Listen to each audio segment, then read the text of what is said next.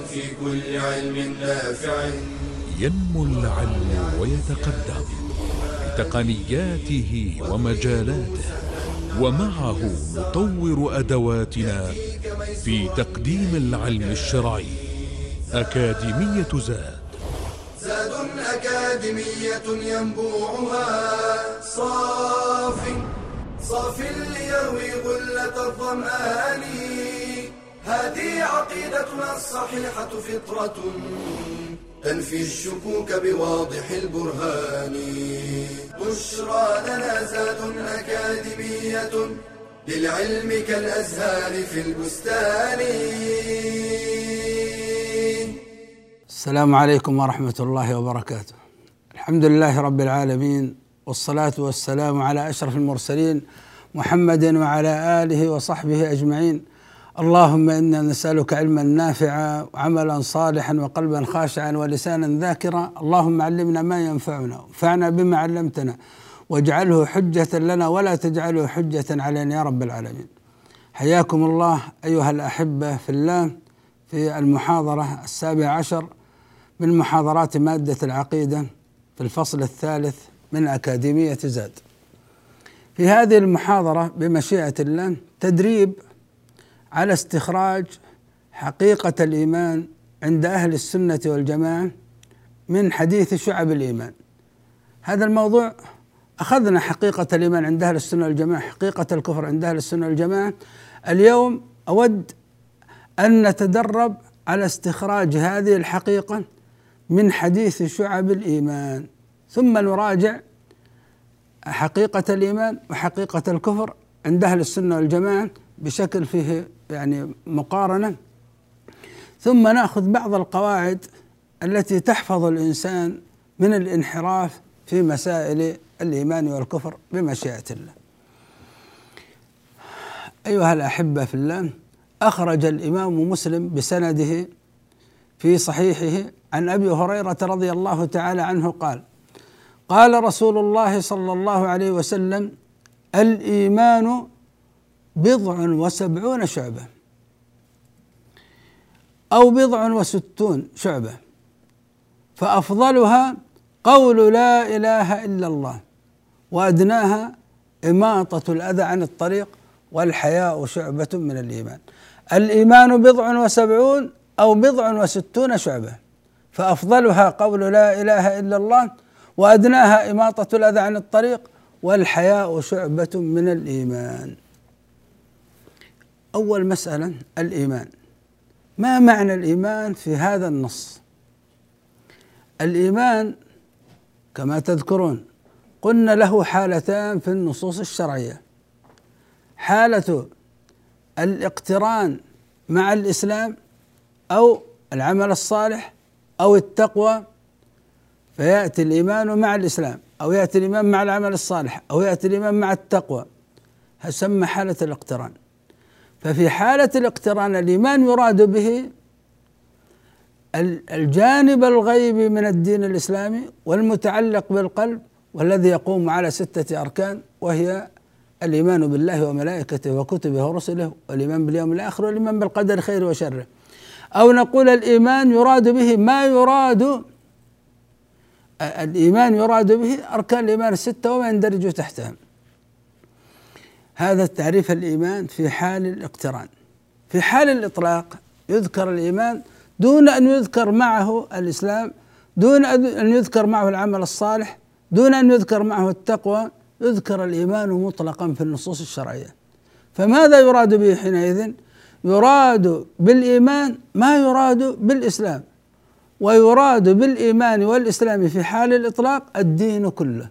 فالإيمان في حال الإطلاق يسمى الإيمان المطلق مراد معناه معناه الدين معناه الإسلام.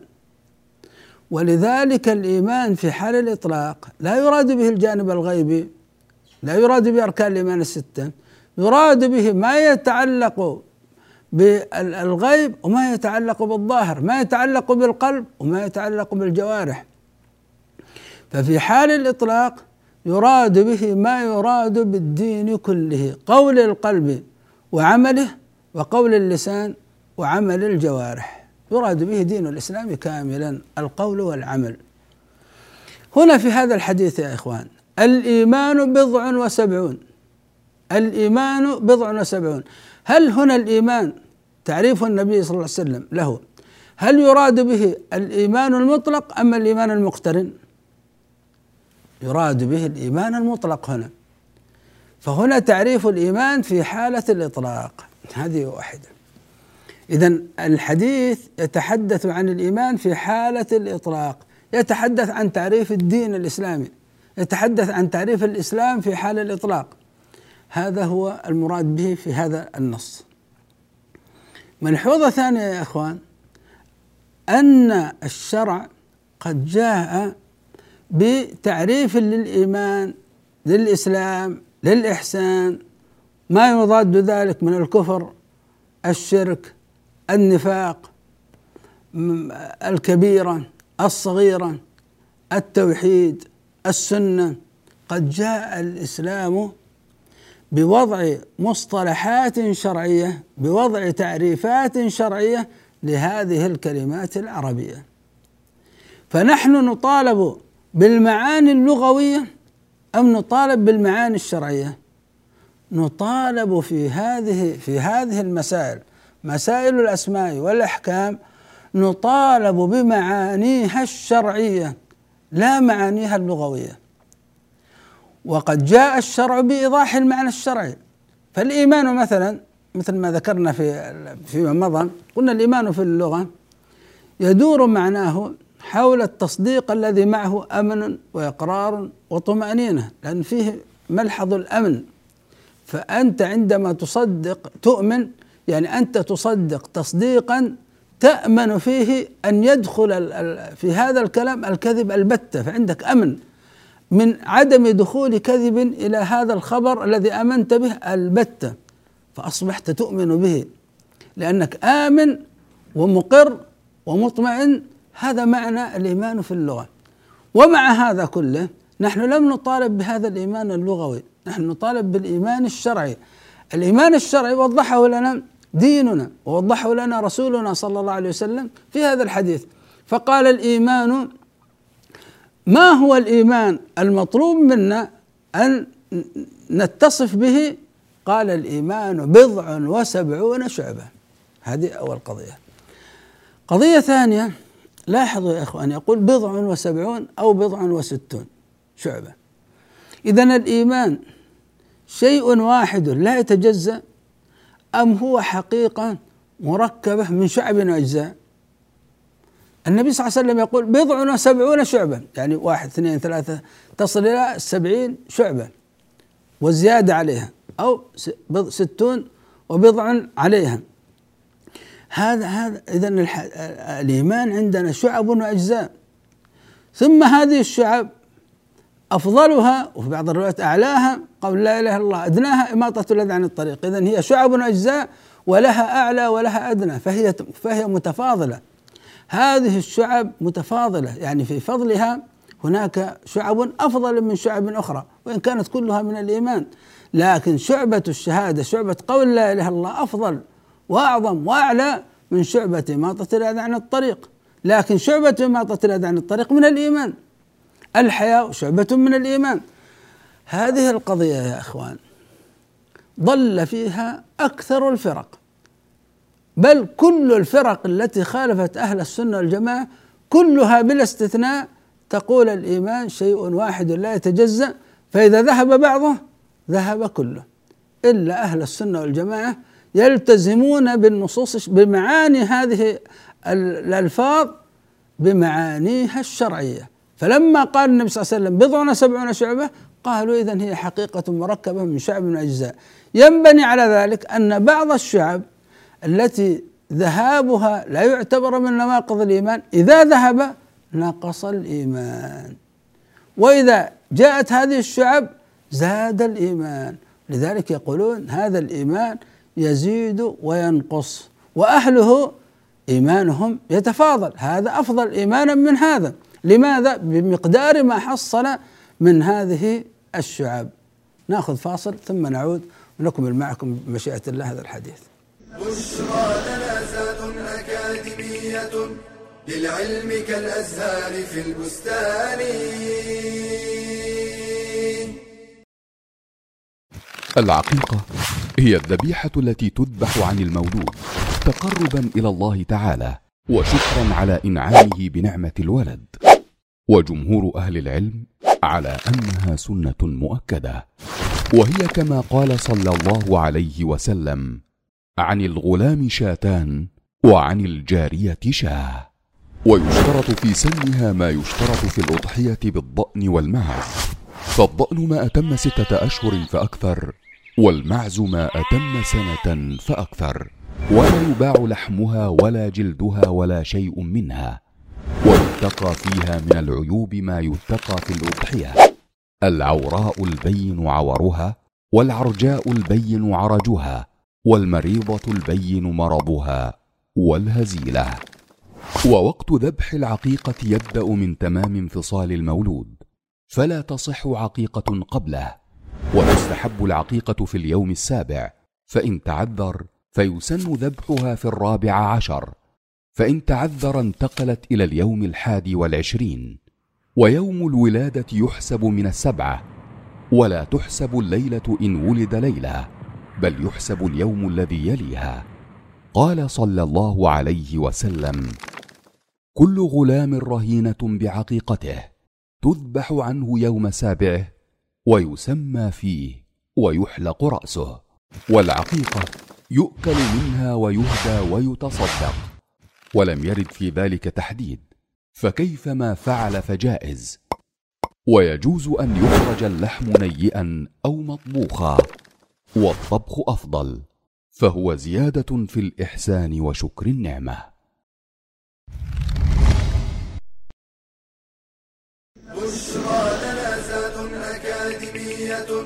للعلم كالأزهار في البستان. حياكم الله أيها الأحبة. وقفنا قبل الفاصل أن الإيمان شعب وأجزاء. وبالتالي كلما استطعت أن تضيف لنفسك شعبة من هذه الشعب زاد الإيمان. وكلما ذهبت شعبة مما لا يعتبر من نواقض الإيمان بقي البعض الآخر ينقص الإيمان. قلنا أهل السنة والجماعة هم الوحيدون الذين يقولون بأن الإيمان حقيقة مركبة من شعب أجزاء. وجميع الفرق الضالة من وعيدية ومن وعدية من وعيدية ومن مرجئة كلهم يقولون الإيمان شيء واحد لا يتجزأ. بناء على ذلك الخوارج والمعتزلة حكموا على مرتكب الكبيرة بالخلود في النار إذا مات على كبيرته واختلفوا في تسميته في الدنيا. الخوارج يقولون عنه كفار والمعتزلة يقولون هو خرج من الإيمان لكن لا نستطيع أن نقول دخل في الكفر لكن هو في منزلة بين منزلة منزلتي الإيمان والكفر لا هو مؤمن ولا هو كافر. وحكموا عليه في الآخرة بالخلود في النار. بسبب أن عمل الجوارح عندهم داخل في حقيقة الإيمان فالإيمان قول وعمل لكنه شيء واحد لا يتجزأ. فإذا ذهب بعضه ذهب كله. المرجئة يقولون بنفس المقالة وبالتالي سيتورطون في حكم مرتكب الكبيرة فقالوا نخرج العمل عن مسمى الإيمان. فأرجأوا العمل عن مسمى الإيمان فسموا مرجئة لماذا سموا مرجئة لإرجائهم لتأخيرهم العمل عن حقيقة الإيمان. فقالوا الإيمان هو قول. ثم بعد ذلك هذا القول اختلفوا في بيانه. فالجهمية قالوا هو مجرد المعرفة القلبية وهؤلاء. يعني إذا عرف الإنسان ربه وعرف دين الإسلام وعرف قالوا خلاص هذا قالوا هذا مؤمن. الأشعرية قالوا لا بد أن يضيف على المعرفة التصديق بالقلب. طبعا جمهور الأشعرية. الكرامية هذه فرقة مندثرة قالت قول اللسان. هؤلاء يسمون المرجئة الغلاة وهناك مرجئة الفقهاء قالوا الإيمان هو القول لكنه قول القلب وقول اللسان. تصديق القلب وقول اللسان. قالوا هذا هو الإيمان. المقصود سببه أنهم لم يلتزموا بهذه الحقيقة الشرعية. فإذا أردنا أن نجنب أنفسنا من الانحراف في مسائل الأسماء والأحكام أسماء مراتب الدين وما يضادها والحكم بها على الأعيان. إذا أردنا أن نجنب أنفسنا الانحراف في هذه المسائل نلتزم أول ما نلتزم به نلتزم بالمعاني الشرعية لهذه الأسماء لهذه الأسماء. ثم يقول صلى الله عليه وسلم لاحظوا معي فأفضلها قول لا إله إلا الله وأدناها إماطة الأذى عن الطريق والحياء شعبة من الإيمان. ماذا تستنبطون من ذلك؟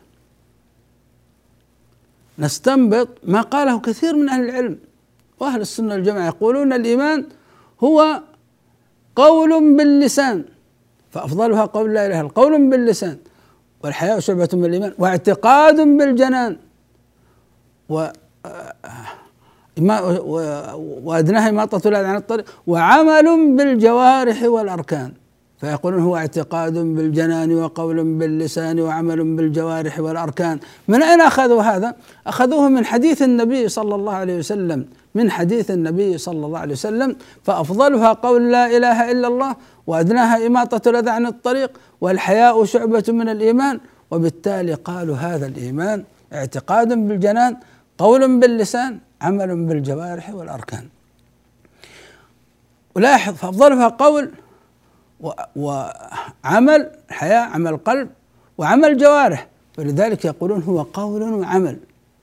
قول القلب وعمله وقول اللسان وعمل الجوارح. قول القلب وعمله وقول اللسان وعمل الجوارح. طيب ما المراد بقول القلب؟ قول القلب يا إخوان المراد به تصديقه وإيقانه وإقراره بأركان الإيمان. وبكل ما جاء به الرسول صلى الله عليه وسلم.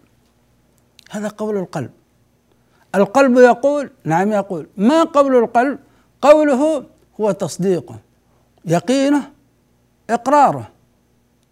بماذا؟ بالله وبالرسول وبالدين. وما يندرج تحت ذلك. فمن صدق بقلبه أن الله حق وأن الرسول حق وأن الدين حق. هذا أتى بقول القلب الإيماني. لاحظوا الآن معي ما الذي ينقضه؟ تصديق يقين إقرار. تصديق ما ضد التصديق؟ التكذيب. فمن كذب بالله أو بالرسول أو بالدين أو بشيء مما هو معلوم من الدين بالضرورة من شك في الله أو في اليوم الآخر ولذلك يسمى هذا كفر التكذيب وكفر الشك. من أين أخذت من هنا؟ ما ينافي قول القلب الإيماني ينافيه التكذيب تكذيب القلب وشكه وعدم إقراره. إنما المؤمنون الذين آمنوا بالله ورسوله ثم لم يرتابوا. فالريب والشك والتكذيب هذا كفر. ولذلك يسمى كفر التكذيب كفر الجحد. لله أو للرسول أو للدين أو لشيء وجحدوا بها واستيقنت أنفسهم بل كذبوا بما لم يحيطوا به علما. هذا يسمى كفر التكذيب.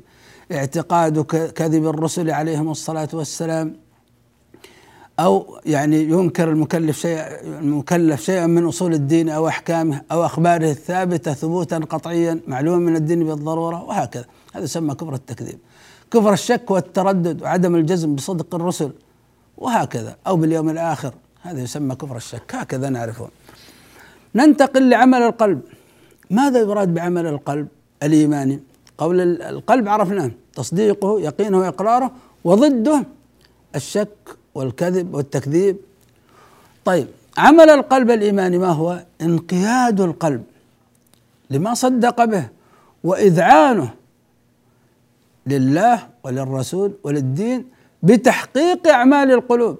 انقياد القلب وإذعانه بتحقيق أعمال القلوب من الإخلاص لله سبحانه وتعالى بجميع أنواع العبادة ومحبة الله والخوف منه والرجاء لرحمته والرضا بالله ربا وبالإسلام دينا وبمحمد صلى الله عليه وسلم رسولا ونحو ذلك من أعمال القلوب. عمل القلب انقياده قبوله انشراحه رضاه بماذا؟ بالله بالرسول بالدين. ثم هذا ال هذا ال هذا الانقياد حب يكون فيه الحب يكون فيه الخوف يكون فيه الرجاء يكون فيه التوكل وهكذا. لاحظوا ما الذي ينقض عمل القلب؟ هذا عمل القلب الإيماني. فما الذي ينقضه؟ ينقضه عمل القلب الكفري. ما هو عمل القلب الكفري؟ أن يشرك بالله. سواء في الربوبية أو الألوهية أو الأسماء والصفات أن يعتقد أن مع الله ربا آخر أن مع الله معبودا آخر آه، أن يعتقد أن هناك مماثل لله في أسمائه وصفاته. هذا الشرك الأكبر بالله في الربوبية أو الألوهية أو الأسماء والصفات. الشرك ناقض من نواقض الإيمان. البغض لله أو للرسول صلى الله عليه وسلم أو للدين الإسلامي. اعتقاد أن هناك هديا أفضل من هدي رسول الله صلى الله عليه وسلم أو مثله أو يجوز التحاكم إليه. هذا ينقض عمل القلب الإيماني. أيضا يدخل فيه شرك النفاق. آه، كفر النفاق. يدخل فيه الشرك ويدخل فيه النفاق. آه، يدخل فيه اعتقاد أن هناك شرع أفضل آه، أن هناك شرع مثل شرع الله أو أفضل منه أو يجوز التحاكم إليه وهكذا. هذا يسمى نواقض ولذلك سمى يعني هناك كفر النفاق بهذا السبب. انتهينا من قول القلب الإيماني عمل القلب الإيماني وما يضاده الآن نأخذ قول اللسان الإيماني. يراد به النطق بالشهادتين. أن ينطق الإنسان بالشهادتين وأنه ممتثل لمعناهما. فيقول أشهد أن لا إله إلا الله وأشهد أن محمدا رسول الله. ويعلن التزامه بالعمل بمقتضاهما بأن يترك الشرك وأن يعبد الله بما شرع بما جاء به رسول الله صلى الله عليه وسلم في جميع مناحي حياته. هذا قول اللسان الإيماني. ما الذي ينقضه؟ ينقضه عدم أن ينطق الإنسان بلسانه بما يناقض لا إله إلا الله. يعني لا معبود بحق إلا الله فينقض ذلك. أو ينطق بلسانه ما ينقض أن محمد صلى الله عليه وسلم رسول الله. ينطق بلسانه ما ينقض أن الدين حق. أو يعمل أعمال من أعمال الشرك وهي متعلقة باللسان. أن يدعو غير الله أن يستغيث بغير الله في أمر لا يقدر عليه إلا الله. أن يسب الدين أن يستهزئ بالله أو برسوله أو بدينه. هذه أقوال لسانية كفرية ناقضة. نأخذ فاصل ثم نعود إليكم مرة أخرى بمشيئة الله. للعلم كالأزهار في البستان.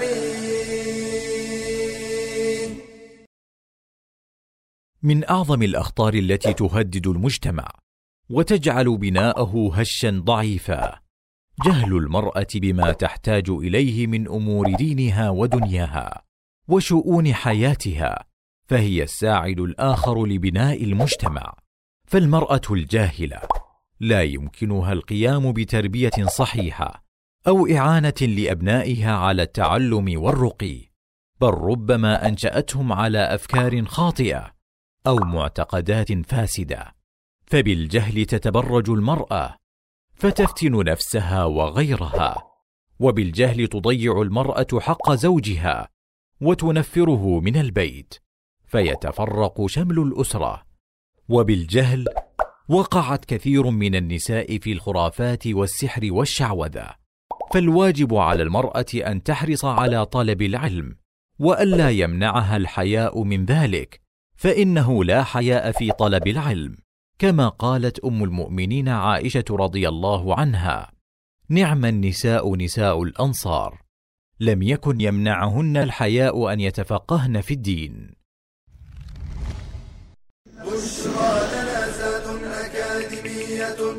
للعلم كالأزهار في البستان. حياكم الله أيها الأحبة في الله. آه وقفنا عند انتهينا من قول اللسان الإيماني وما يضاده الآن سنتحدث عن عمل الجوارح الإيماني. ما هو عمل الجوارح الإيماني؟ أن يلتزم الإنسان آه، بالعمل الظاهر بفعل الواجبات وترك المحرمات أن يلتزم بذلك. ما الذي ينقضه؟ ينقضه أن يترك الإنسان العمل بما يدل على كونه مسلم. فيترك أعمال الإسلام التي عرفت أنها من خصائص دين الإسلام مثل الصلاة مثل الحج مثل الأشياء التي يعرف بها الإنسان أنه مسلم. فيترك هذه هذا الجنس بالكلية فيترك العمل بأعمال الإسلام كلية. هذا يسمى يعني ترك جنس العمل وهذا جنس العمل الذي يسمى إسلام. فهذا أصبح عنده قول وليس عنده عمل فهذا ما ينفع. فعمل الجوارح ركن من أركان الإيمان. وقلنا يا إخوان في مرة من المرات أن عمل الجوارح ما موقعه في حقيقة الإيمان؟ بعض الناس يقول هو شرط كمال بعض الناس يقول هو شرط صحة. وقلنا هذه التعبيرات اتركوها. أنه شرط صحة أو شرط كمال هذا خطأ. خطأ التعبير عن عمل الجوارح بكلمة شرط لأن الشرط في اصطلاح الفقهاء يعني خارج عن حقيقة الشيء. لكن لابد حتى تتم هذه الحقيقة من توافره لكنه ليس داخل ضمن الحقيقة. مثل شروط الصلاة. آه ليست داخلة في حقيقة الصلاة. لكن لا يمكن أن يوقع الإنسان الصلاة حتى يأتي بهذا الشرط فهي خارجة عن ماهية الشيء. ف فما يصلح أن نقول عمل الجوارح شرط. شرط يعني معناه أنه خارج. إنما نقول عنه ركن أو نقول عنه شطر. هذا التعبير الشرعي. الطهور شطر الإيمان. فهو ركن. عمل الجوارح ركن في الإيمان. لكن إن إن اضطررنا أن نستخدم كلمة شرط فما نقول مباشرة شرط صحة أو شرط كمال لا. نقول عمل الجوارح ينقسم إلى جنس العمل جنس عمل الجوارح وأحاد عمل الجوارح. فأحاد عمل الجوارح منه ما هو شرط صحة ومنه ما هو شرط كمال. وأما جنس عمل الجوارح فهو شرط صحة حتى يتحقق هذا الإيمان.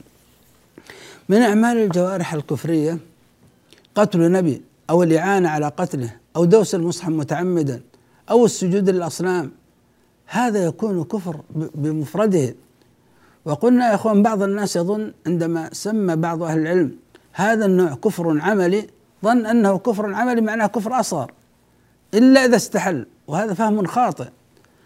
كفر العمل منه ما هو كفر أكبر ومنه ما هو كفر أصغر. فهذه الأشياء من دوس المصحف متعمدا من قتل النبي أو الإعانة عليه هذه أو يسجد لصنم هذه حتى لو لم يستحلها بقلبه. هي في ذاته كفر كفر أكبر مخرج عن ملة الإسلام. طالما هو يعلم أن هذا صنم ويسجد له ويقول أنا اعلم أن السجود للصنم حرام لكن يريد أن يسجد له فيسجد له. يقول أعرف انه دوس المصحف متعمدا ويدوس المصحف متعمدا. هذا كفر كفر يعني بذاته كفر بذاته حتى لو حتى لو أعلن أنه لا يستحل ذلك فهذا لا يصلح. يأتي إنسان إلى شريعة الله يأخذ هذه الشريعة ويرميها ثم يأتي بإحكام وشرائع وضعية ثم يضعها مكان شرع الله ويقول أنا لا أستحل ذلك لكن نريد هذا. هذا ما يصلح هذا هذا هذا هذا يعتبر وإن سمي بأنه كفر عملي إلا أنه من نوع الكفر الأكبر المخرج عن ملة الإسلام. هذا الكفر هنا المتعلق بالجوارح يسمى كفر الإباء والاستكبار يسمى كفر التولي والإعراض وهكذا. من الأشياء التي تحفظ الإنسان يا إخوان من في من الضلال في هذا الباب أن يتعلم المسلم حقيقة الإيمان من الناحية الشرعية مثل ما ذكرنا ويتعلم نواقض الإيمان. وأنا أستغرب أن بعض الناس يعني يخوف من هذا. لا نواقض الإيمان يتعرف عليها الإنسان لكن يعرفها لنفسه. كما تتعلم نواقض الوضوء كما تتعلم مثلا آه، مفسدات الصيام كما تتعلم يعني محظورات الإحرام. تتعلم كذلك نواقض الإسلام نواقض الإيمان. ما الشيء الذي ينقض قول القلب الإيماني؟ ما الشيء الذي ينقض قول عمل القلب الإيماني؟ ما الشيء الذي ينقض قول اللسان؟ الشيء الذي ينقض عمل الجوارح؟ يتعلم الإنسان ذلك وتعلمه لذلك. هذا أصل من أصول دينه وأعظم سبب لنيل محبة الله والفوز بجنته والنجاة من ناره. فيحذر المسلم في نفسه من هذه النواقض يعني ويتفقد نفسه دائما ويحذر غيره منها لكن ننتبه أن يكون التحذير والكلام على نواقض الإيمان أن يكون على وجه الإطلاق لا التعيين. على وجه الإطلاق لا التعيين. مثلا يقال السحر من نواقض الإيمان الشرك من نواقض الإيمان التشريع من نواقض الإيمان وهكذا يعد الإنسان نواقض الإيمان. السب الله الاستهزاء بدين الله. هذه على وجه الإطلاق لا بد من قولها ولا بد من تعليم الناس بها ومعرفتها. لكن آه، عندما يأتي الإنسان للأعيان لا بد أن يأخذ حذره. الحذر أول شيء أن تتأكد أن هذا هو المكفر الشرعي. إذا أنت رأيت عمل من الأعمال التي أنت تعرف أنها من نواقض الإسلام أو من نواقض الإيمان. لا بد أن تتأكد أن هذا هو الناقض الذي هو من النواقض نواقض الإيمان والإسلام الشرعية. لا بد لأن بعض الناس يا إخوان وهذا من أسباب الضلال في هذا الباب أنه يختلط عليه الناقض بما ليس بناقض. فيختلط عليه مثلا في مسألة الحكم بغير ما أنزل الله. شخص يحكم بالشريعة أصلا. هو في بلد إسلامي وحكمه حكم شرعي ولم يبدل شريعة الله لكنه جاء عند مسألة من المسائل فحكم بالهوى وحكم بالشهوة وأخذ رشوة أخذ أشياء فحكم بغير ما أنزل الله. فبعض الناس يظن هذا حكم بغير ما أنزل الله فهو كفر والحكم بغير ما أنزل الله كفر. وهكذا. وهذا ليس هو المكفر الشرعي وإن كان هو للأسف يعني عمله عمل يعتبر كفر لكنه كفر أصغر لأنه حكم هوى وشهوة وظلم وهو معتقد شريعة الله وهو يحكم بشريعة الله ولم يبدلها ولم يأتي لشريعة الله ويقول لا هذا أفضل هذا كذا أو هذا يضع شريعة من عند نفسه. إنما يعني في مسألة يعرف أن هذه الأرض لفلان أخذ رشوة فأعطاها فلان وقال حكم بها لفلان. فلا شك أن هذا كفر. هذا كفر لكنه ليس الكفر الأكبر كفر دون كفر. فالمقصود أن بعض الناس ما يستطيع يميز فننتبه آه، لبس الصليب آه، في الولاء والبراء مسائل كثيرا يشتبه على الإنسان هذا الشيء. هل هذا هو الكفر الأكبر المخرج من الملة أم هذا أمر محرم؟ أم أن هذا الأمر مثلا جائز؟ أما أن هذا الأمر يعني يجوز في حال الضرورة؟ وهكذا يجب على الإنسان أن يعرف أن هذا هل هذا هو المكفر الشرعي أم لا. فلا ينزله على المعين حتى يتأكد من كونه هو المكفر الشرعي. أمر ثالث عرف أن هذا هو المكفر الشرعي تماما. هذا إنسان يطوف حول قبر أو ذهب إلى قبر ويدعو صاحبه. هذا كفر بدون شك بدون شك. هذا يدعو غير الله ويستغيث بغير الله يذبح لغير الله. هذا شرك مخرج من الملة. يبقى هذا المعين هذا المعين هل بلغته الحجة؟ هذا المعين قد يكون في بلد يعني نائي تماما ما وصله شيء ما سمع مثلا في القرآن أن هذا هذا ما عرفه هذا ما وجد آباؤه عليه. ويظن أنه بهذا العمل إنما هو يتشفع إنما هو كذا ما الذي يحدث هنا؟ هنا لا بد أن يتأكد أن هذا الشخص قد قامت عليه الحجة. فأيضا قد يكون هذا الشخص أصلا مجنون قد يكون هذا الإنسان مكره قد يكون أمور كثيرا لا نتحدث عن نفس الشخص الذي يدعو بشكل عام ارتكب مكفر فلا نستطيع أن نقيمه على هذا المعين ننزل هذا الحكم على هذا المعين حتى تقام عليه الحجة. أمر أخير من الذي يتولى إقامة الحجة؟ لابد أن يكون المتولي لإقامة الحجة شخص ممن عرف بالعلم. وحتى ذاك الشخص المقابل يقبل منه أو يعرف منه فيبين له قال الله قال رسوله صلى الله عليه وسلم وهكذا. بعد ذلك من الذي يقوم بالمحاكمة؟ لابد إذا كانت هناك جهة شرعية معروفة هذه الجهة الشرعية هي اللي تقوم بمحاكمته. بعد إقامة الحجة والتأكد من توفر شروط التكفير وانتفاء الموانع. بعد ذلك هذه في هذا البلد المحكمة الشرعية هي التي تقوم على العلم يترتب على ذلك من أمور شرعية تتعلق مثلا بالدم تتعلق بالمال تتعلق بالعرض. أمور خطيرة جدا تتعلق بهذا. إذا كان الإنسان في بلد غير شرعي هناك مراكز إسلامية. إذا كان ما في مراكز إسلامية في علماء في ذاك البلد ما في علماء يعمل الإنسان بهذا في خاصة نفسه لكنه لا يعلن هذا الحكم ولا يبينه. نسأل الله سبحانه وتعالى بأسمائه الحسنى وصفاته العلى أن يحفظنا من هذه الانحرافات وأن يجعلنا ممن اتضحت عندهم الرؤية في مسائل الإيمان والكفر. إن شاء الله في الحلقة القادمة سنتحدث عن الخوارج والمرجئة وسبب ضلالهما في هذا الباب بمشيئة الله. هذا وصلى الله وسلم وبارك على عبده ورسوله محمد. وجزاكم الله خيرا. يا راغبا في كل علم نافع متطلعا لزيادة الإيمان وتريد سهلا النوال ميسرا يأتيك ميسورا بأي مكان. زاد زاد أكاديمية ينبوعها صاف صاف ليروي غلة الظمآن. هذه عقيدتنا الصحيحة فطرة تنفي الشكوك بواضح البرهان. بشرى لنا زاد أكاديمية للعلم كالأزهار في البستان.